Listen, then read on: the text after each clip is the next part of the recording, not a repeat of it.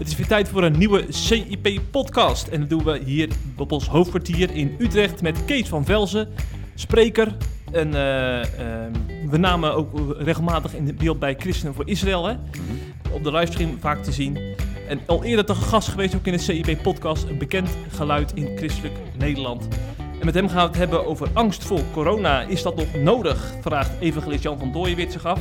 Een aanval van Geert Wilders op Gertjan Zegers na zijn uh, uitlatingen in een talkshow bij de NPO. En natuurlijk, de Voice of Holland houdt ook de gemoederen in christelijk Nederland bezig. Want het misbruiksschandaal houdt christenen een spiegel voor, stelt uh, Ellen Verheij, theoloog.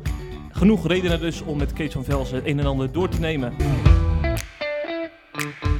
Mooi dat je hier bent, uh, Kees. Dankjewel, Jeffrey. Uh, ik zei een bekend geluid in christelijk Nederland, want je bent natuurlijk ook regelmatig te horen bij Family 7. Hè? Laat je nog wel eens je licht schijnen over de Ja. actualiteit. Ja, ik, eh, ik werd ooit voorgesteld daar als politiek commentator.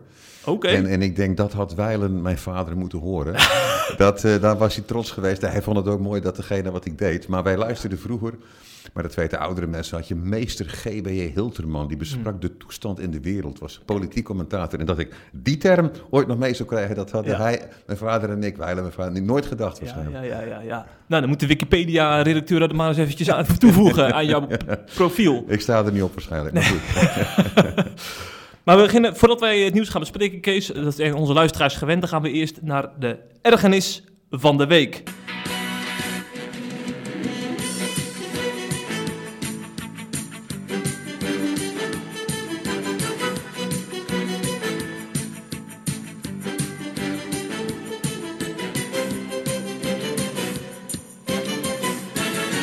En in die rubriek mag je dus iets delen wat je wenkbrauwen heeft doen fronsen. Ja.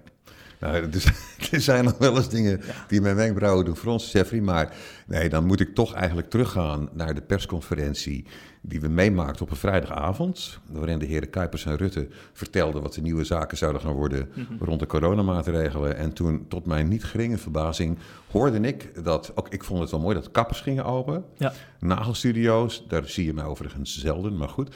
Eh, maar ook sekswerkers, die konden weer hun werk verrichten. En ik wil daar op zich niet die zin denigrerend over spreken. Ik, ik, er zit nog heel veel probleem achter en ik hoop en bid dat de personen die daar werken eruit komen en zo. Maar dat dat verder kon gaan, maar dat de horeca dicht zou blijven. En dat ergerde me enorm. En zelfs als ik er nu over spreek, dan denk ik van... hoe bestaat het dat je dat werk, dat is per definitie close, sekswerk, kennelijk, vreselijk... Hoe, laat je, hoe kan dat dan wel doorgaan? En hoe kan een horeca niet opengaan? Dat vond ik echt heel erg triestig. En ook de minister-president zei dat ook letterlijk zo. Ja, het was, en, nou, het was mijn ergernis. En ik merk dat ik er nou nog mee zit. Ja, zegt dat wat over onze Nederlandse cultuur? Van de seks is toch wel heilig? Dat, dat moet toch wel altijd open blijven? Dat zeker. Ja. En dat, kijk, dat verschillende groepen zich dan gediscrimineerd voelen, dat zal waar zijn. Maar dan vind ik werkelijk dat je, ja, en dan moet ik natuurlijk ook denken, ik heb er ook een plaatje bij. Dat is van, eh, van mensen die in huizen bijvoorbeeld aan het Raadhuisplein een prachtig iets hebben waar je kunt eten. En ik ken die mensen, dat zijn christenen en die doen hun uiterste best en die werken snoeihard. Ja, die doen alles om, om, om mensen daarin een fijne tijd te beleven. En dat kan dan niet. Dat, dat, dat, dat vond, ik, eh, vond ik lastig. Ja, ja. Maar deze week waarschijnlijk word je op je wenken bediend, want dan eh, gaan, als het goed is, de horeca weer open. We gaan het allemaal gaan meemaken. het. Dus, eh, zelfs het OMT-advies schijnt nou in de wind ge- geslagen te worden. Ja. Hè, dat ze zeggen van, nou ja, we willen het langer open houden. Ja, ja, we gaan het zien. Trouwens, op het moment dat de mensen luisteren, is de persconferentie al geweest. Ja. Want, eh, maar op dit moment weten we het dus nog niet. We gaan het zien, eh, Kees.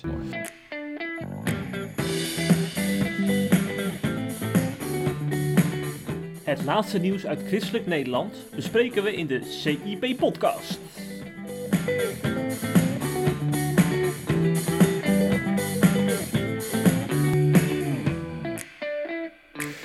We beginnen met eh, eh, het belangrijkste item, denk ik, van de podcast. Want dat is toch wel eh, het nieuws dat vorige week alle eh, krantenpagina's domineerde. Hè? Dat is natuurlijk The Voice of Holland. Ja, Eh, vorige week hebben we die bootsuitzending gehad, eh, waarbij slachtoffers eh, hun verhaal deelden openlijk. Mhm.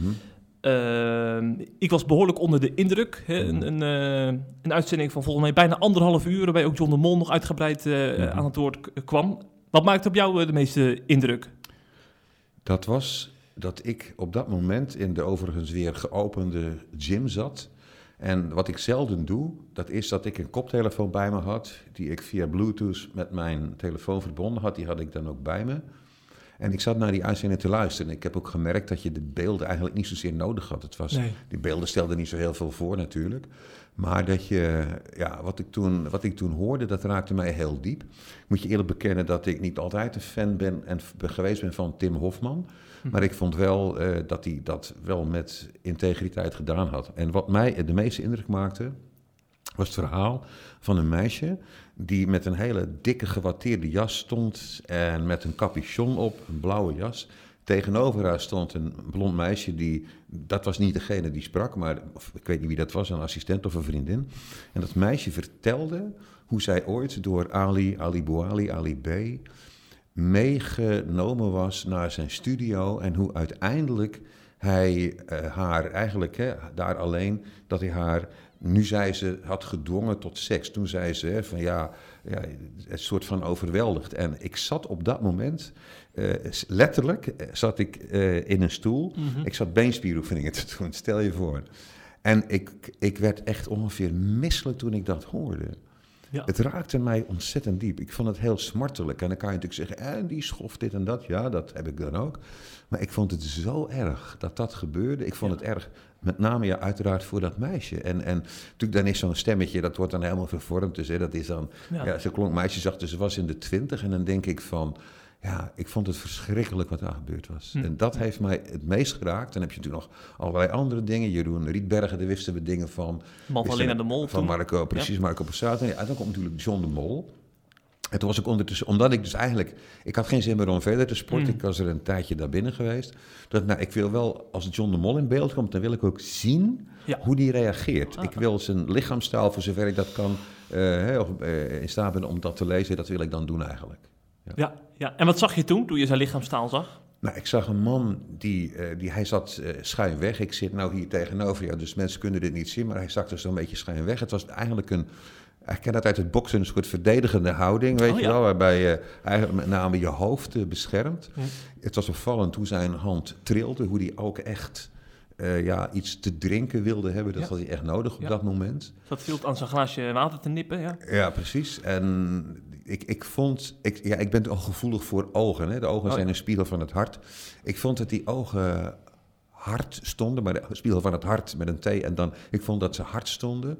Ik vond het niet zo sympathiek. Ik vond het wel moedig dat hij dat deed. Want dat Mm. moet je dan toch maar doen. Ik bedoel, het gaat toch wel over jouw paradepaardje. De Voice, een briljant idee van Mm. hè, laat jonge mensen daar komen en, en stoelen die omdraaien Ja. of niet. Wat, worden die eigenlijk juist niet om uiterlijk gaat, hè, als je die stoelen omdraait? Precies, Ja. precies. Je laat dat bewust uit beeld. Hè?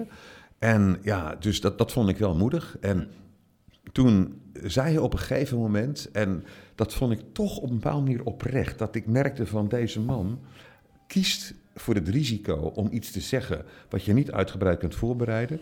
Eh, wij zitten hier nu rustig te praten, maar als ik net van een of ander verschrikkelijk, dat is niet gebeurd, maar stel ik heb een verschrikkelijk ongeluk gezien en ik zit dan hier bij jou, dan, dan zit ik daar nog vol mee. Nou, Dus hij nam het risico, dat vind ik moedig.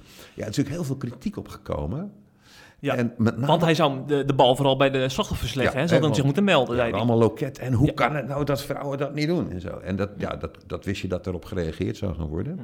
Waar ik ook kritiek op hoorde, Jeffrey. Ik ben benieuwd wat jij er nou van vindt. Dat was dat hij zei. ehm, over, hij zegt over Marco Borsato. Hij zegt: Ik kan mij niet voorstellen dat hij aan kinderen zit. Oké, Ik ben benieuwd, wat vind jij ervan? Als je dat Nou, ik denk dat komt natuurlijk vooral vandaan. Mark Borsato is een, echt, echt een held in Nederland. En ik denk, eh, als je eenmaal op, op zo'n voetstuk staat, dat, dat kun je in, in, ogen van Nederlanders bijna niks fout doen. Dus dan, eh, dan ben je een soort van onfeilbaar. En ja, dat, hij is van zijn voetstuk gevallen. Ja. Dus eh, dat vinden mensen dan moeilijk om te geloven als je allemaal van die hits hebt gezongen in stadions. En, Mhm. en hij heeft natuurlijk ook in de, in de liefdessfeer veel liederen gezongen. Dus op bruiloft heb ik hem heel veel gehoord. Dus in die zin heeft hij natuurlijk ook heel persoonlijk veel voor mensen betekend met zijn liedjes ook, hè? Maar vond je het dan dat valt dan verstandig dat John de Mol dat zei? Dat is er niet kon voorstellen? Of? Nee, dat vond ik niet verstandig, nee. nee, nee. Maar juist in zijn positie zou je moeten weten dat mensen, als ze op een voetstuk staan, eh, dat, dat, dat dat ook linker soep is natuurlijk. Hè, die machtspositie. Ja. Is een beetje want- naïef. Want ik, ik, ik hoorde het en toen dacht ik van, hij, hij gaat er dus eigenlijk nu even over Ja, of hij ja, echt aan kinderen heeft gezeten. Dan hebben we het over 11, 12, 13-jarigen. Mhm. En dat hij dus zei van, ik, eh, er is niet gezegd dat hij die kinderen seksueel misbruikt hebben, Marco. Maar hij zegt, het, ik, ik kan me van alles, maar dat kan ik mij niet voorstellen. En, dat- ik ken, ik ken natuurlijk Marco Borsato, ik ben zijn vrouw wel eens tegengekomen, Oh, maar eh, daar in Huizen, waar we dan wonen. Maar dat hij zei van, dat kan ik mij niet voorstellen, dat vond ik... Ja, ik, ik, ik, ik snapte dat hij dat zei. En dat Je snapt het wel? Eh, Nou, ja, Ja? daarom ben ik ook benieuwd naar jouw reactie. Omdat ehm, dat hij zei van, dat geloof ik niet dat hij dat doen zou. En ik vind dat iemand die je dan je vriend op, dat je dat ook mag zeggen. Mhm. Weet je, tegelijkertijd Ja. niet als bedoeling om het misbruik weg te moffelen. Want als. Marco dat wel gedaan heeft, hè, en, en dan ging het over aanraken van billen en zo, weet je wel, niet echt van verkrachten of zo. Ja, moest je nog bijkomen, zullen mensen nu denken. Hè, maar, maar dat hij, het, hij nam dat op, ja, dat kon ik dan wel begrijpen. Hm. Waarmee ik niets afdoe aan het feit dat ik natuurlijk verschrikkelijk vind dat Marco eh, ja, ook zo, zo eigenlijk zijn reputatie, alles en eh, ja, ook dingen gedaan heeft die echt niet kunnen. Nou, Echt niet kunnen. ja, ja, ja. ja. Hij kan voorlopig niet ergens optreden, denk ik. eh. Vraag is of dat ooit nog zo zal kunnen. ja, Vraag mij ja, af. ja. Trouwens, eh, Bert Notenboom, daar kom ik dan op. Dat is een dirigent die ook eh, regelmatig blogs schrijft. Ja. Eh, deze week ook op CIP een blog van hem geschreven. En hij schrijft dus dat hè, als zo'n Marco Borsato of Ali B... eh, als hij bij, bij hem in Almere rondloopt, dat hij toch wel graag in de kerk zou willen zien. Mhm. Want eh er staan wij de christen toch onbekend dat, dat we een, een God van genade dienen. Waar juist zondaren ook eh, welkom zijn. Hè? Dat, Mhm. dat is natuurlijk, dat triggerde mensen nogal toen hij, toen Ja. hij dat zei. Toen dacht ik van, zou, zou Kees dat kunnen herhalen wat, wat Bert hier zegt? Ja, ik sta niet bekend over het algemeen als een vrijzinnig typeje of laat. Nee. Ik denk precies het tegenovergestelde. En wat ik zo onvoorstelbaar mooi vind, dat, en daarmee mag je nooit het misbruik verdoezelen. Hè? Als het mis is, ook met Marco of met wie dan ook, of van wie dan ook, dan moet je dat benoemen. En dan moet er straf op volgen, zeker, zeker, zeker, zeker. Maar tegelijkertijd vind ik dat, dat het feit en dat haalt, ook, eh, ja, dat haalt ook iemand aan dat ook die misdadiger aan het kruis, hè, die Ja. aanvankelijk ook Jezus bespot, letterlijk ter elfde uren zegt van, hè, dat hij die ander die blijft bespotten en zegt van, eh, vrees jij God niet? Wij ontvangen naar wat wij verdiend hebben. Moet je je voorstellen, hij erkent dat hij de doodstraf heeft verdiend, notabene. Zegt, maar deze heeft niets onbehoorlijks. Dan, hè, dan wijst hij, dan doelt hij op Jezus. Deze, Jezus heeft niets onbehoorlijks gedaan. Dus dat wist hij. En dan zegt hij alleen maar, wilt u aan mij denken als u in uw koninkrijk bent gekomen? Wat Jezus zegt dan, vandaag zul jij met mij in het paradijs zijn. Dat, vind ik, dat is de mooiste en belangrijkste last minute die ik ooit gezien heb. Ja. Daarmee, daarmee wordt, wordt hij gered voor de tijd en de eeuwigheid. En dus ik, ik, ik, ik heb... ehm, toen ik ook in, in, Lelystad voorganger was, heb ik ook regelmatig, zat ik in de gevangenis. Ik denk aan de goede kant van de tafel, hè, maar ik bedoel... Ja. eh, maar, maar, maar ik heb me nooit te beroerd gevoeld of nooit te zeker niet te verheven boven de mensen die daar zitten. Ik vind het het meest ongelooflijk van het evangelie Ja. dat de Heer Jezus is gekomen tot redding van zondaren. En dat ook mensen die het vreselijke dingen gedaan hebben, gered kunnen worden. Op het moment dat er is berouw en bekering, kunnen ze gered worden. En dat vind ik het grote antwoord op wat hier gebeurt. Ja, ja. Wij zijn inderdaad niet beter mensen. Zijn niet beter. Nee, als je, als je toch eerlijk bent, heb ik nooit rare, onreinig. Natuurlijk heb ik dat. Weet je, dat, dat natuurlijk. Maar het- is dat je je realiseert dat God geeft mij normen. En, en daar voldoe ik niet aan. Dus dan heb ik hem nodig als redder.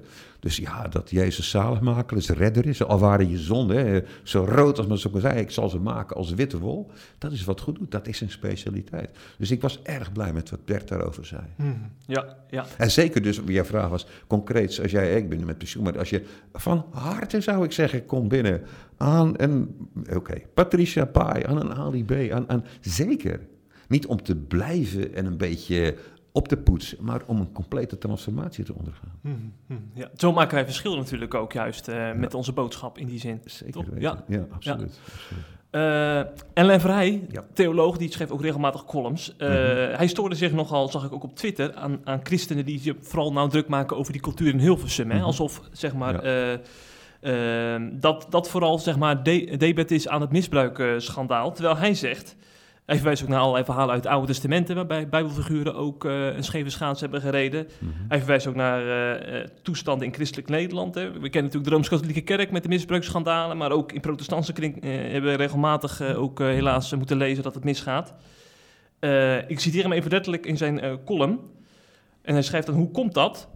Doordat het probleem niet te maken heeft met de seksuele losse normen in de entertainmentwereld, nog met de seksueel strakkere normen binnen geloofsgemeenschappen. Welke normen je ook hebt, het gaat hier over normoverschrijding.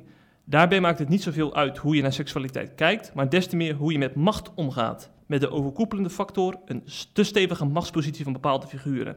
En te weinig bescherming tegen machtsmisbruik misbruik door hen. Christenen en niet-christenen komen misschien uit een ander vaarwater, maar in dit dossier zitten we allemaal in hetzelfde schuitje.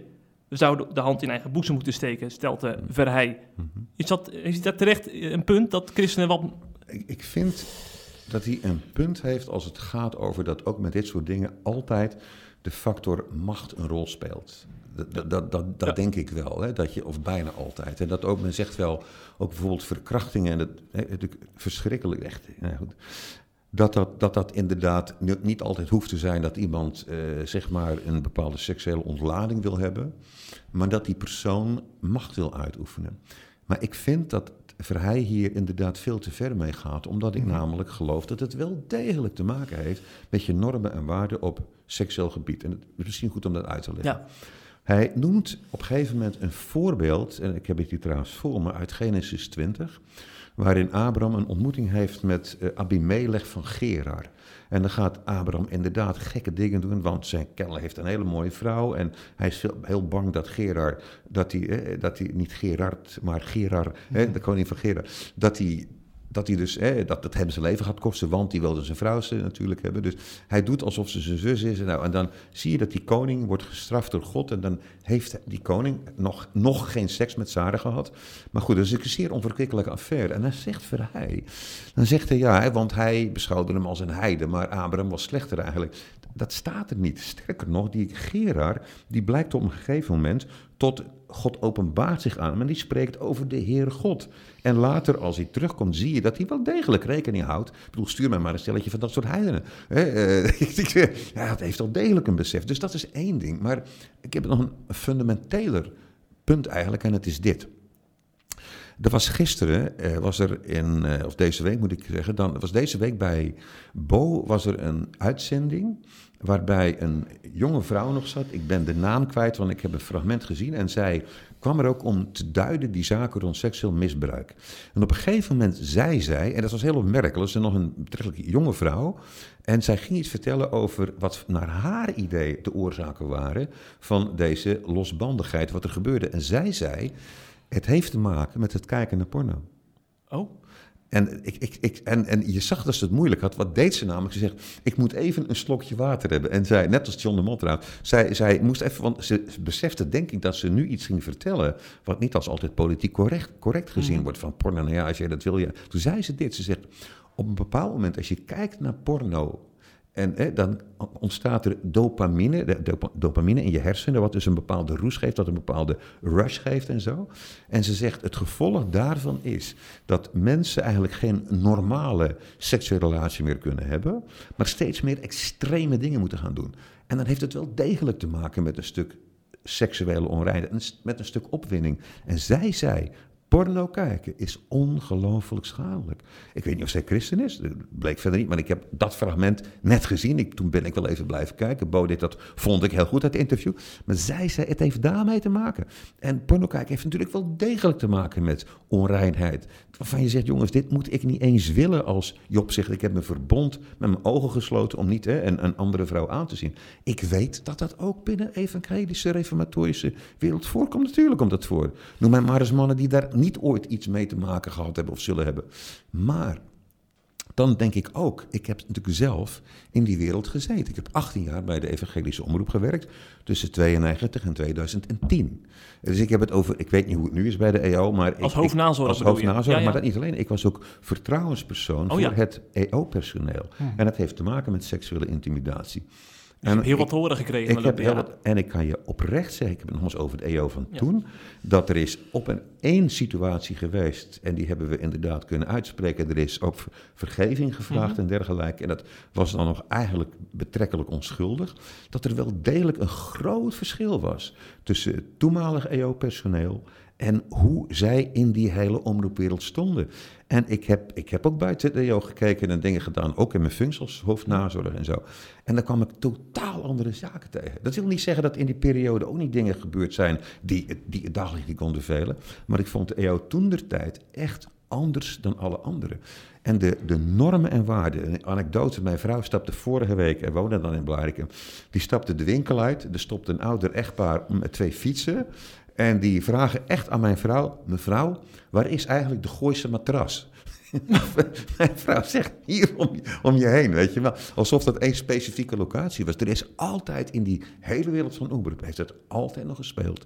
Zaken van seksuele zaken. En weet je, als, als ik geloof, hè, en daar ben ik dus echt met Alain Verheij niet eens over, als hij zegt, bah, hè, daar gaat het niet over. Als ik geloof dat de Bijbel mij vertelt dat hoederij porneia, seksualiteit niet volgens Gods bedoeling, betekent dat ik het koninkrijk kan verliezen, dat is wel degelijk een waarschuwing voor mij. Ja. Maar ik zie dan, eh, als ik dan even eh, met Ellen Verheij mag Nee, nee, meedenken, ik, ik zie dan zo'n Bill Hybels bijvoorbeeld, als een Ja, grote ja, man in Amerika. Daar hebben we allemaal schandalen over gelezen afgelopen Ja. jaren. Dan denk ik van, die, die, die kent die moraal eh, ook, die is hij zelf nog gepredikt en opgeschreven. En toch gaat het mis in zijn in Ja. machtspositie. En dat, dat, is een, op zich een hele interessante van Bill Hybels bijvoorbeeld. Als hij mensen had die ongetrouwd samenwoonden en die bijvoorbeeld zeiden van die, die zegden de Heer Jezus te willen volgen. Zei jongens, dan, dan kan je niet in deze positie blijven. Dan stond hij nog dezelfde avond met zijn karretje om die mensen te verhuizen, om ze te verder te helpen. En dan denk ik hoe dat kan, hè, dat met name leidinggevende dat soort zaken doen. Hè. En dat, ik, ik heb persoonlijk meegemaakt. Ik was de eerste voorzitter van Willow Creek Nederland, dus ik kende die situatie. Dus we waren ongelooflijk teleurgesteld in Hybels. Juist omdat hij voor anderen zijn hoge moraal predikte. Maar hij is, en hij had veel eerder ontmaskerd moeten worden. En tegelijkertijd zeg ik van, misschien dat sommige leiders denken van dat het een keer misgaat, ze doen iets, maar ze staan weer op de preekstoel of op, de, op het podium de volgende zondag. En eigenlijk gaat het hetzelfde, dat ze zichzelf in een soort categorie gaan plaatsen. Kennelijk kan ik dat flikken of zo. Ik weet het niet. Maar ik weet wel dat het letterlijk levensgevaarlijk is. En heel veel Hybels is helaas, ja nee, het, helaas, het moest ook zo zijn, maar is, is, is er niet meer. En hij is uiteindelijk is hij aangepakt geworden. Dus ik denk dat er wel degelijk sprake is van een moraal waarvan je ten diepste weet, jongens, dit kan ik niet maken. Ja. En dat voor, voor mij geldt dat zeker. En ook voor mensen om mij heen, waarvan ik zie, je beseft dat je niet alleen zondag tegen een ander mens, je beseft dat je ten diepste zondag tegenover God. En ik vind dus wel degelijk dat het voor mij zeker... Een, ik heb geen verlangen oprecht niet om vreemd te gaan, Jeffrey. Dat zegt niet... Ik, ik, ik vind dan, dan had Alain beter een punt kunnen maken door te zeggen... wie meent te staan, ziet toe dat hij niet vallen. Dus ik kan wel zeggen, en kijk naar Ali B, en kijk naar Marco, en kijk naar dus, zus en zo. Wie meent te staan, ziet toe dat hij niet vallen. Weet je, en dat je, David zegt, ik, eh, in mijn onbezorgdheid zei ik, ik zal nooit wankelen. Even later wankelt hij wel natuurlijk. Dus dat vind ik, had ik persoonlijk van alleen sterker gevonden om het over die boeg te gooien. Ja. Maar ik ben van mening dat een moraal over ethiek van de Bijbel, namelijk seks binnen natuurlijk tussen man en vrouw, wel degelijk beschermend werkt. Ja. Wel degelijk. Ja, ja, ja, ja. want ehm, eh, dat bewustzijn ontbreekt dan misschien op plekken bijvoorbeeld als bij The Voice. Tuurlijk. En daardoor heeft het jarenlang kunnen voortduren misschien op die... Eh, Zeker. En ik, vind dus dat wel degelijk de omroepwereld. Hè, iemand zei letterlijk de kabeldragers van de camera's. Die hebben zelfs autoriteit. Ik heb dat gemerkt. Du moment dat ik zelf op televisie kan, dan hebben mensen ineens iets van: oh boy, dan moet je wel iets eh, eh, bijzonders zijn. Wel nee. Misschien kun je een bepaald kunstje. Misschien ben je ergens toevallig goed in. Maar, maar, dat, dat, dat, maar er zit een autoriteit achter die mensen een machtspositie geeft. Daar heeft hij gelijk aan. Maar dan moet je dus een persoonlijke mening hebben over de gedachte van... eh, als ik dat doe, ik kan er wel mee wegkomen. En weet je, dan zeggen mensen... wat niet weet, wat niet deert. Dat vind ik echt een leugen uit de hel. Hm. Want wat je zaait, dat oogst je. Dat komt absoluut naar je terug. Ten goede en ten kwade. Ja, ja, ja. Maar dan vraag ik me dan wel tenslotte af, om dit blokje even af te sluiten. Mhm. Moeten we als kerken en christenen nu wel of niet in de spiegel kijken naar aanleiding van deze kwestie? Zeker. Ja? Zeker. Dat, dat vind ik zeker een juiste toepassing. En dat bedoel ik met wie Ja. meent te staan. Eh, ik, ik kan wel eh, zeggen, dat zal mij niet overkomen. Ja, wie meent te staan? Ik heb geen behoefte, ik zei het al, om vreemd te gaan. Eh, Ik, ik heb een schat van een vrouw en we hebben het goed met elkaar en met ons gezin. Maar, maar nogmaals, wie meent te staan, zie doet dat hij niet vallen. En de Bijbel is natuurlijk ongelooflijk eerlijk erin... dat de grote helden... eh, Ja, de Heer Jezus niet. En hij is Gods zoon. Hij is uitzondering in die zin, hè? Ja. Ja, precies. Maar dat alle anderen hebben hun fouten en gebreken. Allemaal. Ja. Ja. En die worden eerlijk genoemd. Dus ik, jij noemde net inderdaad terecht Bill Hybels, hè, de misbruiksschandalen die er ook helaas in onze kringen zijn, om het zo te zeggen. Die moeten ook benoemd worden. Dat moet je niet zo'n beetje onder een laag plamuur wegdoen. Ah, Alsjeblieft, kom er mee naar buiten. En het ge- geinige is dat, of geinige, Jeroen Rietbergen heeft eigenlijk door het te zeggen, ik ben fout geweest, heeft hij, ja, er zijn al heel veel dingen binnengekomen, maar heeft hij het in wezen wel, ja, heeft het in een ander kader geplaatst en gezegd, ik zie nu dat ik fout geweest ben. En op het moment dat je je zonde beleidt en nalaat, zegt de Bijbel, dan vind je ontferming. Ja. Maar nooit, dat vind ik heel belangrijk, tenslotte, dat je nooit de slachtoffers moet doen van ja, maar die ander heeft vergeving gevraagd, dan moet je dat ook maar doen. Eh, De ander is verantwoordelijk voor zijn of haar daden. En als je daarin strafbaar geweest bent, dan zul je daar ook de verantwoordelijkheid en de gevolgen van moeten dragen. Zeg, ik zou bijna vergeten, Kees, maar we hadden vorige week het debat over de regeringsverklaring eh, in Den Haag. Mhm. Eh, daar moeten we het natuurlijk nog wel eventjes over hebben, want eh Gert-Jan Segers blonk daar behoorlijk in uit. In de zin van Mhm. dat hij eh, behoorlijk afstand neemt, tegen, dat doet hij al vaker trouwens, in Ja. columns ook, van rechtspopulisten. Mhm. Eh, want hij eh, beschouwt zeg maar, de woorden van eh, Geert Wilders, maar ook van Gideon van Meijeren van Forum voor Democratie echt als een gevaar. Ja. voor de veiligheid van politici, van medici en wetenschappers. En heb ik bijvoorbeeld over wat Wilders heeft gezegd over die mevrouw die de VVD adviseert, Mhm. hè, die in de terroristenhoek actief is geweest. Ja, Ehm, volgens de, de ene partij heeft ze al haar straf uitgezeten en is een soort van bekeerd. Mhm. Volgens de andere partij moet je juist heel voorzichtig zijn met mensen met zo'n Mhm. verleden. En moet je niet in, een- in een democratische partij als de VVD haar eh, advies eh, eh, inwinnen. Maar goed, Segers nam dus afstand van Wilders' felle bewoordingen. En in de talkshow M heeft Segers dat herhaald. En toen eh, was Wilders er klaar mee. Wilders eh, die, eh, werd toen een soort van toetsenbord ridder. Mhm. En heeft eh, Segers de fakkeldrager van de Tweede Kamer genoemd. Omdat hij in zijn ogen demoniseert door Wilders zo weg te zetten en als een gevaar te bestempelen. Mhm. Dan vraag ik me af, is Segers nu wel of niet goed slim bezig geweest? Ja, laat ik eerst dit zeggen. Ja. Ik, ken, ik, ik heb hem een paar keer ontmoet, Gert-Jan Segers. Mhm. En ik heb, ik heb ook geen, persoonlijk echt geen enkele reden om te twijfelen aan zijn integriteit. Dus ik, ik, dat wil ik eigenlijk eerst wel gezegd hebben. Ja. En niet omdat ik daar verder eindig voordeel bij zou hebben, maar dat is wel mijn oprechte mening. Ook belangrijk omdat veel christenen er wel aan twijfelen en hem Ja. fariseërs noemen bijvoorbeeld. Ja, nee, precies. En, en, en dat, dat vind ik. Ja, en, maar dat, nee, en, en ik kan een aantal dingen daarin niet volgen. Maar, maar, maar ik, ik twijfel niet aan zijn persoonlijke integriteit. Dat vind ik belangrijk. Dat geeft mij meer vrijmoedigheid om ook vervolgens te zeggen dat ik dit van hem echt niet begrijp. En ik begrijp niet de preoccupatie of de, de, de, de, ja, het zo vind ik krampachtig bezig zijn van de ChristenUnie met, de, het, met eh, Forum voor Democratie. En Oké, daar vind ik wel wat over te zeggen, maar ook met de PVV. En ik snap niet waarom je bijvoorbeeld ten aanzien van eh, de SP of, of eh, D66 eh, of, of wat dan ook. Er zijn bij al die andere partijen zijn zaken waarvan ik vind dat je ook je behoorlijk fel zou kunnen uitlaten. En dat, ik snap dus niet het cordon sanitair rondom inderdaad bijvoorbeeld in dit geval de PVV. Eh, dan kun je zeggen, ja, maar daar hebben ze het zelf naar gemaakt. Als we nu kijken naar die situatie, wat is er gebeurd? Wilders heeft ontdekt dat die dame, hè, ooit deel uitmaakt van de Hofstadgroep, dat die drie jaar vast had gezeten. Hij zegt dat ze nooit enig teken van berouw heeft getoond. Ik heb dat ook niet gezien. Sophie Hermans nam afgelopen zondag in, ik heb dat pas later gezien. VVD-fractievoorzitter. VVD, en nam afstand ervan. Hij gooit daar eigenlijk voor de bus, eh, zou je kunnen zeggen, die dame. Weet je, en tegelijkertijd zegt Geert Wilders, en dat raakt me natuurlijk heel diep. Ja, maar wacht even. Ik ben al meer dan tien jaar, eh, als 18 jaar, ben ik al het onderwerp van, van allerlei zaken. Dat als ik geen bescherming heb, word ik achter elkaar vermoord. En ik vind het serieus. Ik had het in D66. Ik vond het serieus mooi dat Sigrid Kaag zij, de eed aflegde, zij zo waarlijk helpen met God almachtig. En de laatste woorden in de kamer toen ze moest vertrekken waren, ik wens je God zegen toe. Ik weet dat christenen zeggen, eh, dat is geen heil. Sorry, ze zegt het en dat respecteer ik. En dat geeft mij ook, eh, ik, ik ben het met een heleboel dingen niet eens, maar dat laat ik wel graag staan. Wat daar gebeurd is met die fakkeldrager, eh, christen zou, zou het zijn, ik vind het onbestaanbaar. Ik vind dat dat echt niet kan wat daar gebeurde. Maar ik vind dat dan de doorgaande lijn die Wilders meemaakt, vind ik minstens zo erg of nog vele malen erger. Met andere woorden, misschien dat Zegers wat meer begrip voor zijn emoties moeten tonen. Dat, dat denk ik wel, ja. Ja. Want eh, Gert-Jan Nommers is een bewogen man, daar ben ik van overtuigd. Maar ik vind dat hij dat wel meer, had- meer compassie met hem had mogen hebben. En, en, en waarom kon men niet zeggen van ja jongens, dat moet, en nu blijkt dat Sophie Hermans, nu kan Wilders achteraf zien zeggen, zie je nou wel? Want zij zeggen zelf dat, ja oké, foutje.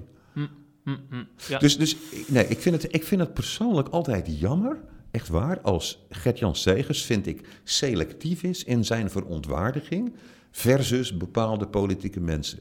En dat hij dat kennelijk minder is, misschien wel achter de schermen, hè, dit rechtstreeks tegen mensen zegt. Ik ben niet bij die onderhandelingen.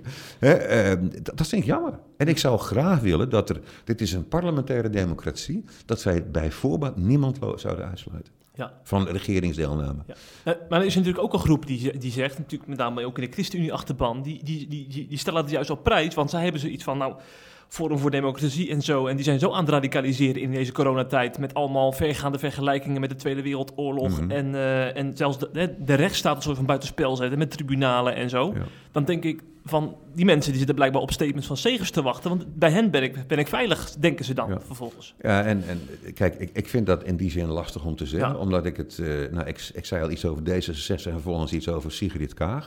Kijk, als ik inderdaad kijk naar inderdaad Gideon van Meijeren, dat is dan een beetje de kennelijk op dit moment de vaandeldrager, hè, om het dan even te zeggen, niet de fakkel, maar de vaandeldrager.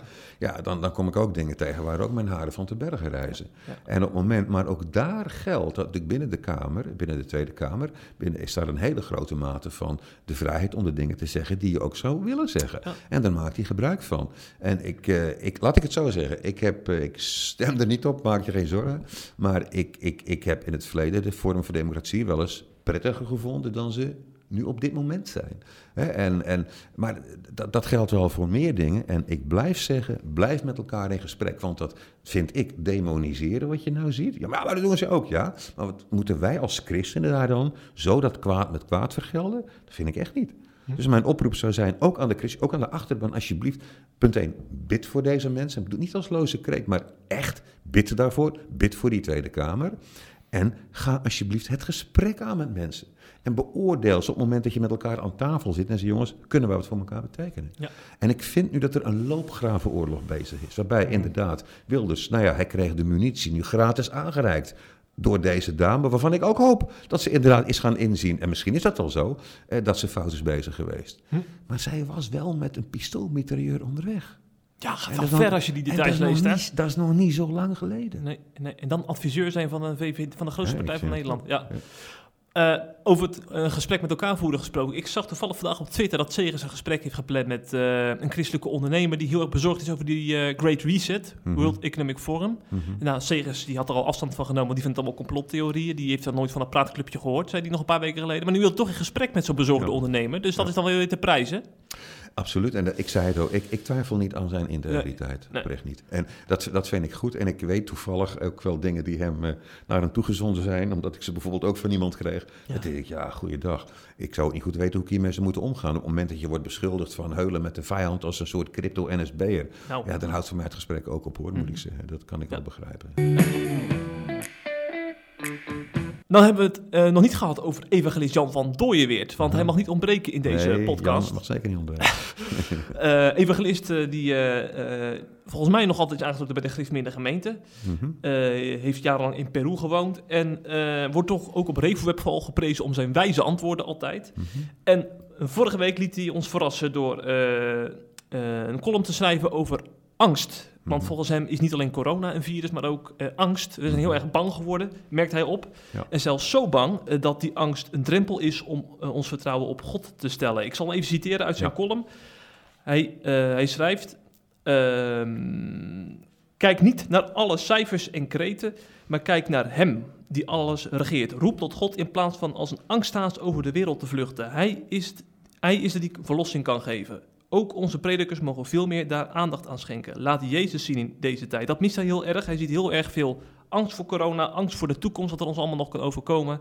Zijn we God niet een beetje uit het oog verloren? Vraagt hij zich hardop uh, af. Is het herkenbaar wat, wat uh, Jan hier schrijft, ja, ik, uh, Kees? Dit is echt ja, voor mij ook uit het hart gegrepen, ja, absoluut. Ja, Ja. Dat vind ik ook. Ja, ja, zeker. Ja. zeker. Ja, want merk je ook in je omgeving bijvoorbeeld, ook bij christenen, dat, eh, eh, dat, dat angst, het angstvirus toch wel steeds meer eh, mensen aan het besmetten is? In de zin van dat dat eh, hen in de weg aan het staan is? Ja, en ook eh, zeg maar van beide kanten. Ik, ik bedoel, net als jij maak ik ook mee dat je ook in een gemeente dat mensen totaal tegenovergestelde posities kunnen innemen. ja, ja, en een zegt, en je moet je laten vaccineren, zegt je moet je niet laten vaccineren. Mhm. Dat vind ik echt treurig als dat soort dingen gebeuren. Jongens, laat elkaar er alsjeblieft vrij in. Maar dat ik ook zie dat aan beide kanten, bij de vaxers en bij de antivaxers, dat ik ten diepste angst hoor. Ja, aan beide kanten. Aan beide kanten. Daarom schrijf je dit En ook. zeggen, ja, dat moet je niet doen. En, en, en met, met die virus, met die, of met die vaccins, dat kan allemaal. Dit Ja. en met je DNA. En, die mensen worden over vijf jaar zijn ze... Weet je wel, denk ik, dat, dat is puur angst. Mhm. Bij de vaxers hoor ik het ook. Als je dat niet doet, en, en, en binnen de, hè, dan gaan we er allemaal aan. En, en, en ja, je. Dus, dus aan beide kanten hoor ik de paniek in de stemmen. Ja, maar ik, verba- verbaasde mij. eh, natuurlijk een tijdje geleden werd die lockdown afgekondigd. En allerlei kerken die gingen gewoon volledig naar de livestream over. Ik dacht dat je kan nog wel honderd mensen naar een, eh, nog een live verwelkomen. Maar Precies, ja. ik denk, regeert de angst dan zo ver dat je dan volledig naar online gaat? Ja, en, ik vind en- het ver gaan. En, en precies, en ik, ik, ik, ik maak echt de beide kanten Ja, van ja, de ja. medaille mee. En, en, en, en ik vind dat prima, maar ik maak inderdaad mee in kerken dat, eh, ja, dat er de ouderling van dienst is, afhankelijk van de kerk waar je dan bent, eh, en een koster en een muziekgroep. En, en ik respecteer dat. Als zij als leidinggever die keuze maken, ik respecteer dat.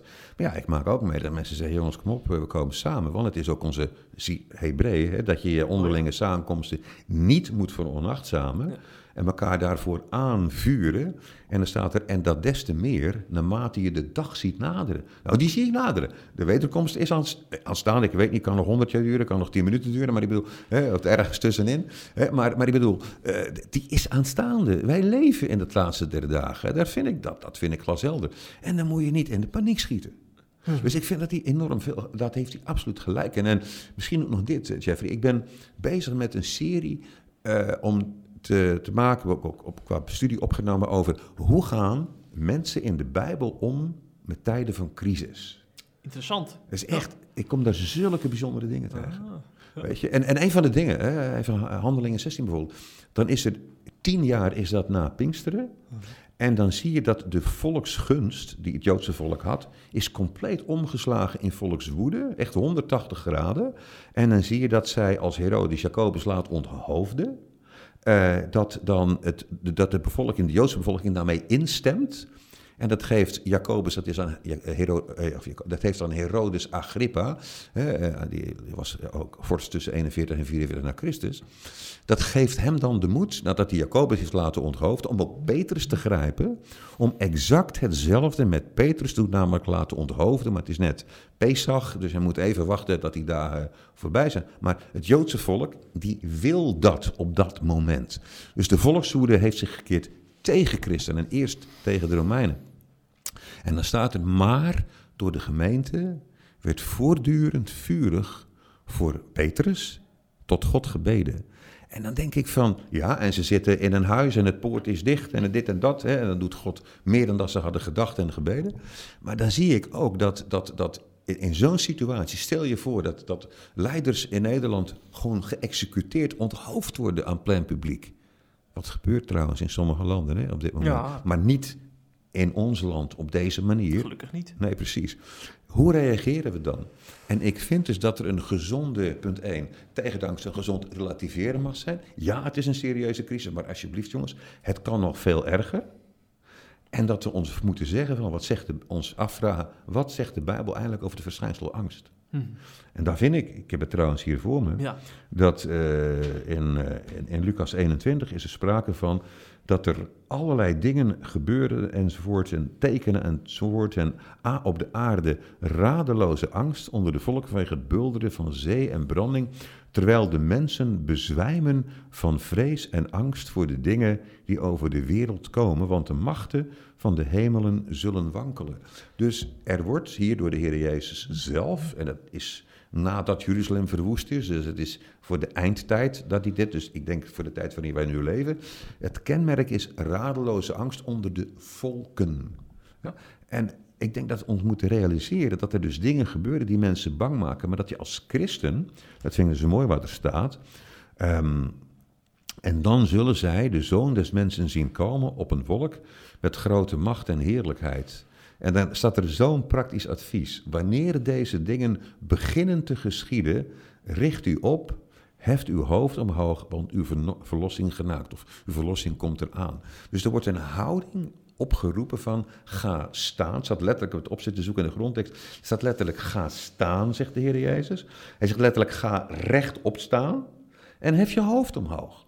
Dit is, dit is de, de antithese tegen, eh, tegen een radeloze wereld die echt bezwijmt van angst. Het bedoelt één ding om flauw te vallen van angst, dat je niet meer kunt. En zegt de Jezus, let erop, je verlossing komt eraan. Hm? Dus ik, het is super wat Jan hierover heeft geschreven. Mensen, alsjeblieft. Ik, nee, ik, niet dat ik het niet serieus neem, maar alsjeblieft besef dat in de Bijbel, van Genesis tot en met openbaring, wordt gesproken over mensen die dingen meemaken. Mooie dingen, maar ook minder mooie dingen. En ze heffen hun hoofd op in geloof naar Jezus. Eigenlijk is deze crisis ook een soort van training in geestelijke volwassenheid. Hè? Van, hè, als, als we nou, nu kunnen we leren om, om uh, ook in crisistijd ja. op God te vertrouwen. Want voorheen hadden we amper een crisis. Ik heb nog nooit een crisis meegemaakt. Dus dat was voor mij ook heel makkelijk. Mhm. Maar nu komt het erop aan, daar eigenlijk zou ik misschien kunnen zeggen. Ja, in het Engels zeggen ze dan, never waste a good crisis. Laat en ga niet een goede crisis ver, verzieken. maar hey, ben ik benieuwd, wat, waarom denk jij dat mensen zo bang zijn, Jeffy? Waarom mensen zo bang zijn? Ja. Ehm, nou, ik, ik denk met name omdat uh, ten diepste willen we allemaal zekerheid. Mm We willen, mhm. willen zeker zijn van, van uh, een, een, woning voor, voor onze kinderen, we willen gezondheid, we willen ook perspectief. En als dat, als dat allemaal verdwijnt door, door zo'n coronavirus, dan, uh, dan moeten we ons ergens aan vastgrijpen. En de een doet dat met, aan, aan een vaccin en de ander aan, aan complottheorieën en weer een ander aan, aan andere dingen. Ik denk dat, dat, dat die leegte gewoon moet worden opgevuld op een of andere manier om, om met die onzekerheid om te gaan. Dat proef ik heel erg in mijn omgeving, ja. ja. Ik, dat vind ik echt mooi wat je zegt. Het doet mij denken aan een studie die ik onlangs opnam over het boek Habakkuk. Hè. Ik oh, laat iedereen dat te lezen. Drie hoofdstukken slechts. Een van de kleine profeten, Een van de kleine profeten die, die zegt van... ik zie het probleem van het lijden en dit en dat. En heer, waarom, doet u er eigenlijk wel iets aan? God antwoordt, ja, ik straf het. Alleen, ik gebruik een volk slechter dan in dit geval het Joodse volk... om het te straffen. Waarop hij zegt, ja, maar wacht even. U gebruikt een nog slechter iets om iets wat slecht is te straffen. En dan zegt hij, ik ga op een wachttoren staan, dus de Heere God kan tegen dat soort vragen. En dan zie je in hoofdstuk 3, nadat hij antwoorden heeft gekregen, dat hij zegt, al zou de vijgenboom niet bloeien, geen opbrengst aan de wijnstok zijn, nochtans zal ik juichen in de Heer, jubelen in de God van mijn heil. Maar dat vind ik zo mooi. Hij beschrijft een proces. Hij had zijn vragen. Hij had zijn eigenlijk opstand tegen. Hij zegt: Heer, het is helemaal niet eerlijk wat u doet.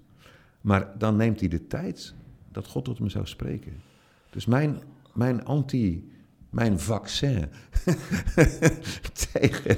Het zijn er drie, hè? het is met twee hoofdstukken met een booster. Hè? Eh, dat is lees Habakkuk en lees zijn eerlijke vragen. Dat God zegt: Ik ben de Allerhoogste en ik kom terug. Mhm. En dan zegt hij in die tussentijd: Zal ik staan en Heer, wat er ook gebeurt, ik hef de, lof, letterlijk de lofzang aan. En u bent de God van mijn heil. Ja.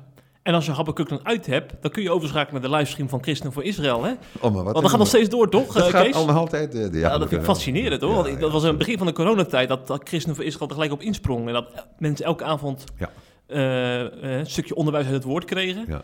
En het gaat niet alleen over Israël, hè? Het, het gaat, nee, nee, nee, nee. Het is heel dus breed. Ik heb, ik, het, is, het is breder en ik, uh, ik, ben, uh, ja, ik ben erg oprecht blij wat ik ook daar doe, maar met oh. velen met mij. En ja, zo, in dat kader heb ik dan ook over Habakkuk inderdaad, mm inderdaad ja. gesproken. Ja. Maar ook, uh, ja, ik zie ook mijn broeders, zusters, collega's daar echt hele, hele mooie dingen doen. En mm. dat het toch echt dat er vraag naar is. En dat mensen zeggen, we zijn zo blij, bemoedigt ons.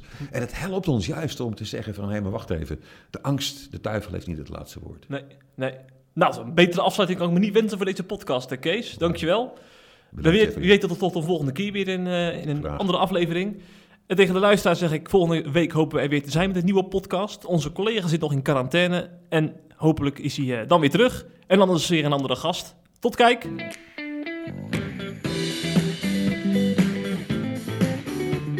Je luistert naar de CIP-podcast. Volgende week weer een nieuwe aflevering. Wil je onze artikelen lezen? Ga naar cip.nl en word CIP Plus lid.